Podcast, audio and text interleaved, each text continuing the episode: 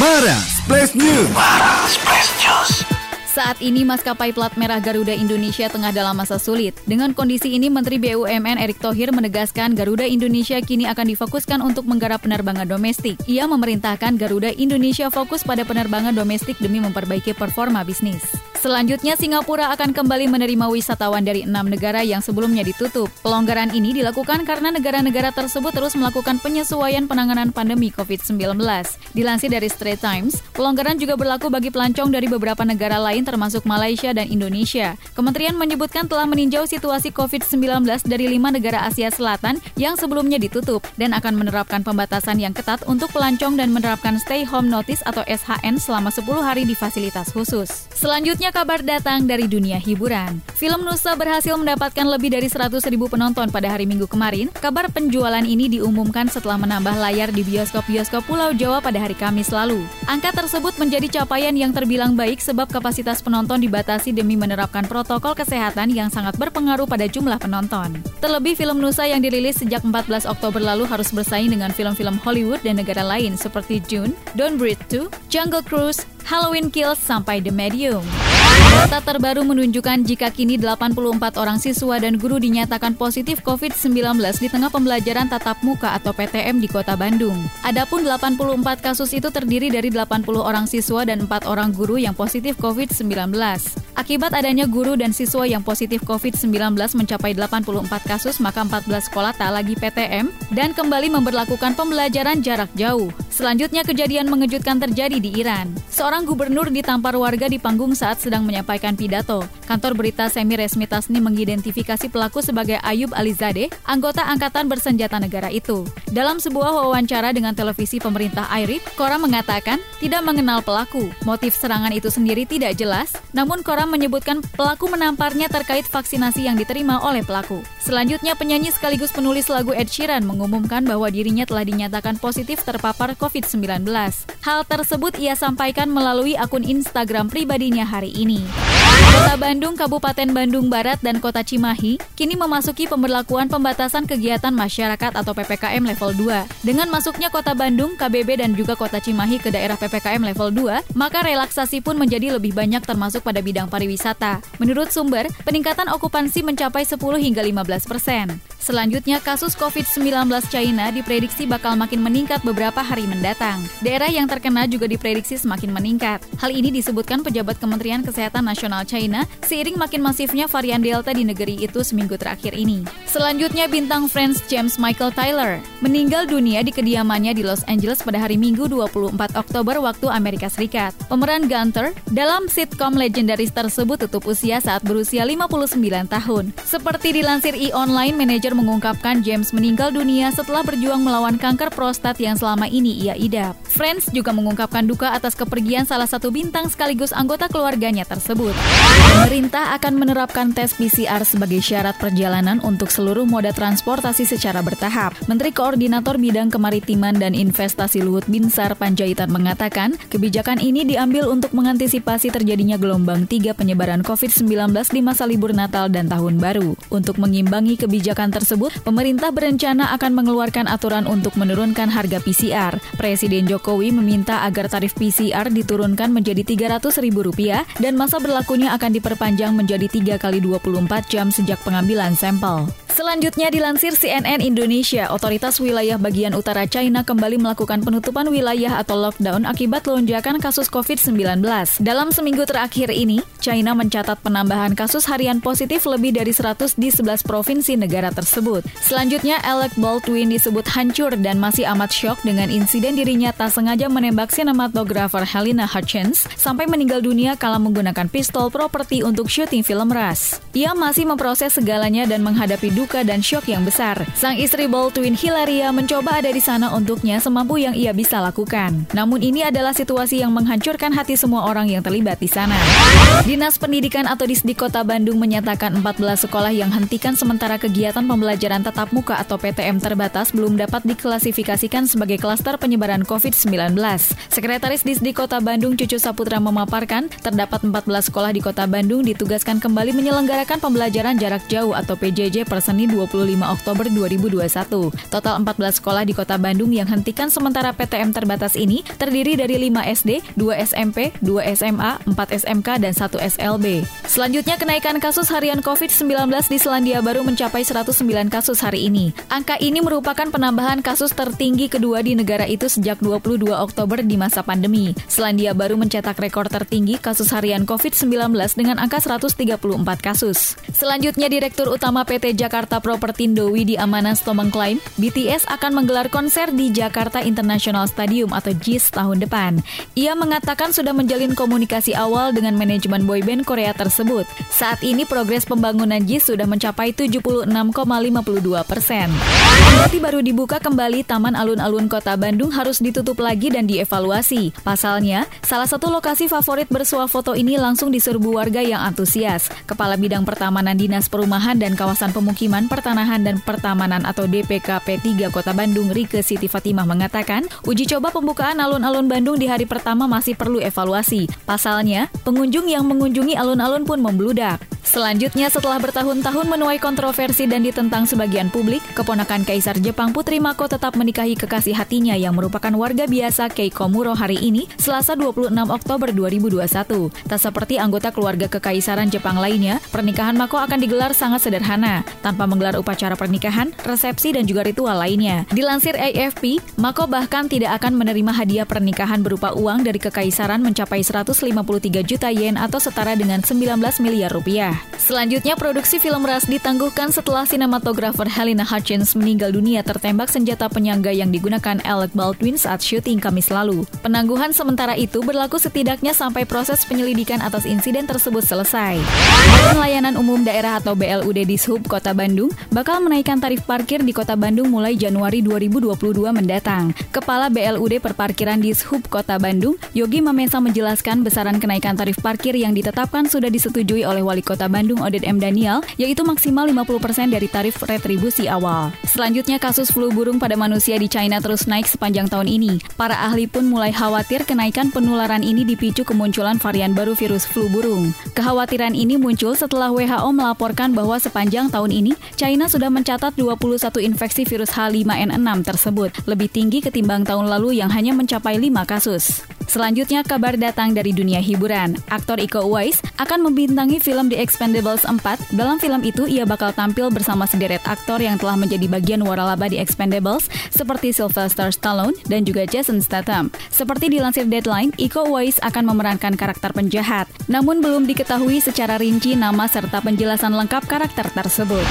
Meski pandemi COVID-19 masih melanda, namun pemerintah Kota Bandung tetap melaksanakan lelang proyek pembangunan. Pada tahun ini tercatat ada 147 paket pekerjaan yang dilelangkan dengan total pagu anggaran sebesar 227 miliar rupiah. Dari jumlah paket pekerjaan tersebut, proyek pembangunan rumah deret tahap 2 menjadi yang terbesar yaitu 43 miliar rupiah. Selanjutnya diikuti proyek pengadaan 8 kendaraan kompakter atau kendaraan pengepres sampah yang diajukan Dinas Lingkungan Hidup dan Kebersihan atau DLHK Kota Bandung sebesar 17 miliar rupiah. Selanjutnya, Jepang terancam krisis anggota penerus kekaisarannya. Pasalnya, negara itu memiliki tradisi kuat menyangkut regenerasi kekaisaran. Salah satunya yang mengharuskan anggota kerajaan Jepang untuk keluar dari monarki jika mereka menikah dengan masyarakat awam. Selanjutnya kabar datang dari dunia hiburan. Adele akan menggelar konser secara live di London pada Juli 2022 mendatang. Tepatnya akan berlokasi di Hyde Park, London selama dua hari, yaitu 1 hingga 2 Juli 2022. Diberitakan independen, laman resmi Adele yang menjual tiket konser tersebut sampai tidak bisa diakses karena penuh penggemar yang menantikan konser Adele pertama di Inggris sejak 2017 tersebut.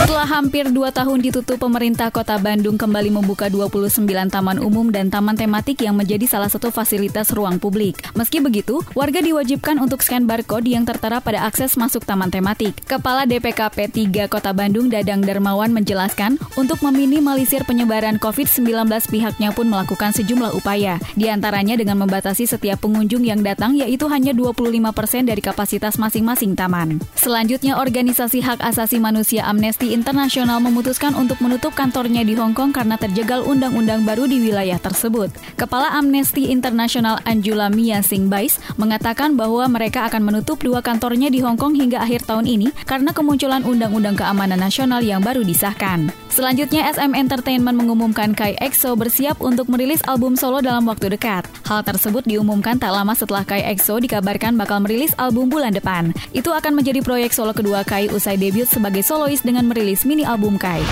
Komisi Pemilihan Umum atau KPU Kota Bandung memastikan jabatan Wali Kota dan Wakil Wali Kota Bandung Oded M. Daniel Yana Mulyana tetap akan berakhir pada 23 September 2023 mendatang. Meski pemilihan kepala daerah dilaksanakan pada 2024 mendatang, Ketua KPU Kota Bandung Soeharti menjelaskan selama 16 bulan setelah masa jabatan Oded M. Daniel Yana Mulyana berakhir, kursi wali kota akan diisi oleh pejabat sementara atau PJS hingga bulan Februari 2025 mendatang. Selanjutnya, Arab Saudi sedang melakukan perubahan besar-besaran. Setelah negara pimpinan Raja Salman itu memutuskan untuk membuka pantai berbikini, kali ini Riyadh sedang mempertimbangkan untuk melegalkan alkohol. Pemberian izin ini sendiri akan dilakukan di kota Neom, sebuah kota baru senilai 500 miliar US dollar akan dibangun di Laut Merah. Film Doctor Strange in the Multiverse of Madness atau yang biasa disingkat Doctor Strange 2 telah menyelesaikan masa syuting pada April 2021. Namun Marvel Studio memutuskan untuk melakukan syuting ulang. Sempat dikabarkan akan berhenti beroperasi bus Damri Kota Bandung masih akan tetap melayani masyarakat hari ini Kamis 28 Oktober 2021. Hanya saja, rute bus Damri yang beroperasi hari ini hanya mencakup tiga rute saja, alun-alun Bandung hingga Kota Baru Parahyangan. Selanjutnya kasus harian COVID-19 Singapura kini menembus rekor baru. Negeri itu mencatat 5.000 kasus tambahan untuk pertama kalinya. Mengutip Kementerian Kesehatan atau MOH kemarin, ada 5.324 kasus baru dengan tambahan 10 kematian. Ini merupakan rekor sejak gelombang baru COVID-19 menyerang negeri tersebut. Tom Holland siap untuk mengenakan setelan Spidey sekali lagi pada serial film terbaru Spider-Man No Way Home. Menurut rumor yang beredar, Tom tidak akan menjadi satu-satunya yang akan mengenakan setelan Spider-Man. Kasus COVID-19 di kota Bandung kini mulai merangkak naik lagi pada hari ini. Data terbaru COVID-19 Kota Bandung hari ini ada penambahan kasus baru sebanyak 23 kasus. Dengan penambahan ini total kasus COVID-19 di Kota Bandung secara kumulatif berjumlah 42.735 kasus. Selanjutnya berakhir sudah masa kerja Ronald Koeman sebagai pelatih Barcelona. Klub Catalunya itu baru saja mengumumkan pemecatan Koeman. Barcelona mengumumkannya lewat situs resmi per Kamis pagi WIB atau beberapa jam setelah kekalahan 0-1 dari Rayo Vallecano. Selanjutnya sebagai ajang yang memperlombakan film-film terbaik Indonesia, Festival Film Indonesia diramaikan oleh para profesional industri perfilman tanah air yang digandeng oleh Komite FFI sebagai dewan juri akhir, yaitu berjumlah total 28 orang para dewan juri.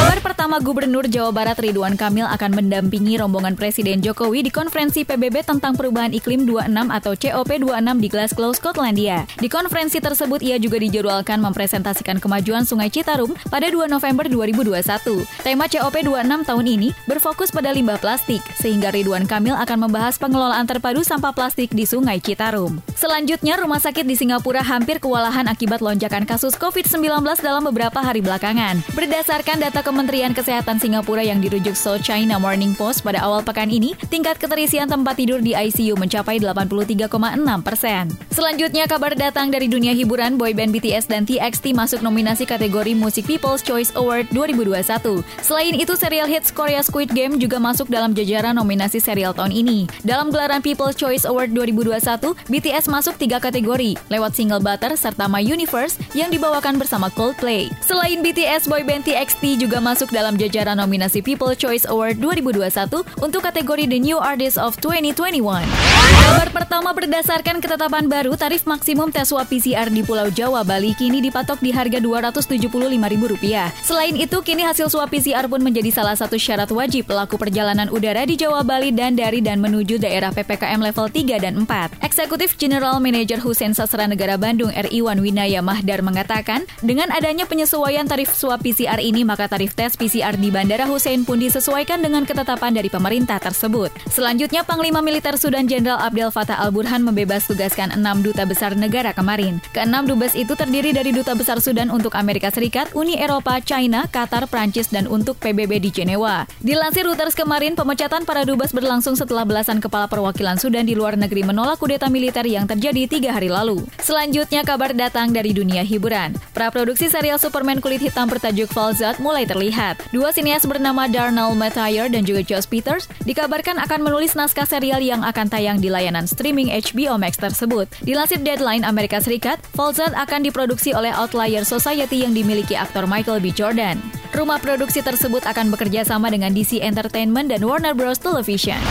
Masuk ke informasi pertama, salah satu sarana publik di kota Bandung yang kerap mendapatkan perhatian publik adalah teras Cihamplas atau Skywalk Cihamplas yang kini kondisinya mati suri, sepi sunyi dan nyaris tidak berfungsi sebagaimana mestinya. Melihat kondisi teras Cihamplas yang jauh dari kata ramai, pemerintah kota Bandung berencana mereaktivasi teras Cihamplas pada akhir 2021 dengan PKL bisa berjualan lagi di atas. Selanjutnya, militer Israel atau IDF kini tengah menciptakan radar untuk mencegah ancaman drone dari Iran yang kian meningkat di wilayah utara negara itu. Kepala Unit Penelitian dan Pengembangan Kementerian Pertahanan Israel menyebutkan teknologi baru mereka ini merupakan tonggak sejarah untuk memperbarui sistem pertahanan mereka yang sudah kuat. Selanjutnya, kabar datang dari dunia hiburan. Penggemar Taylor Swift atau Swifties berspekulasi idolanya memberikan petunjuk baru lagi mengenai Red Taylor's version. Spekulasi itu muncul setelah Taylor Swift mengunggah Reels di Instagramnya kemarin. Dalam video video tersebut, Taylor Swift terlihat membacakan sekaligus memerankan kembali unggahan di Tumblr 7 tahun lalu mengenai musim gugur. Saya Julia Safitri, menyampaikan untuk Maras Plus News.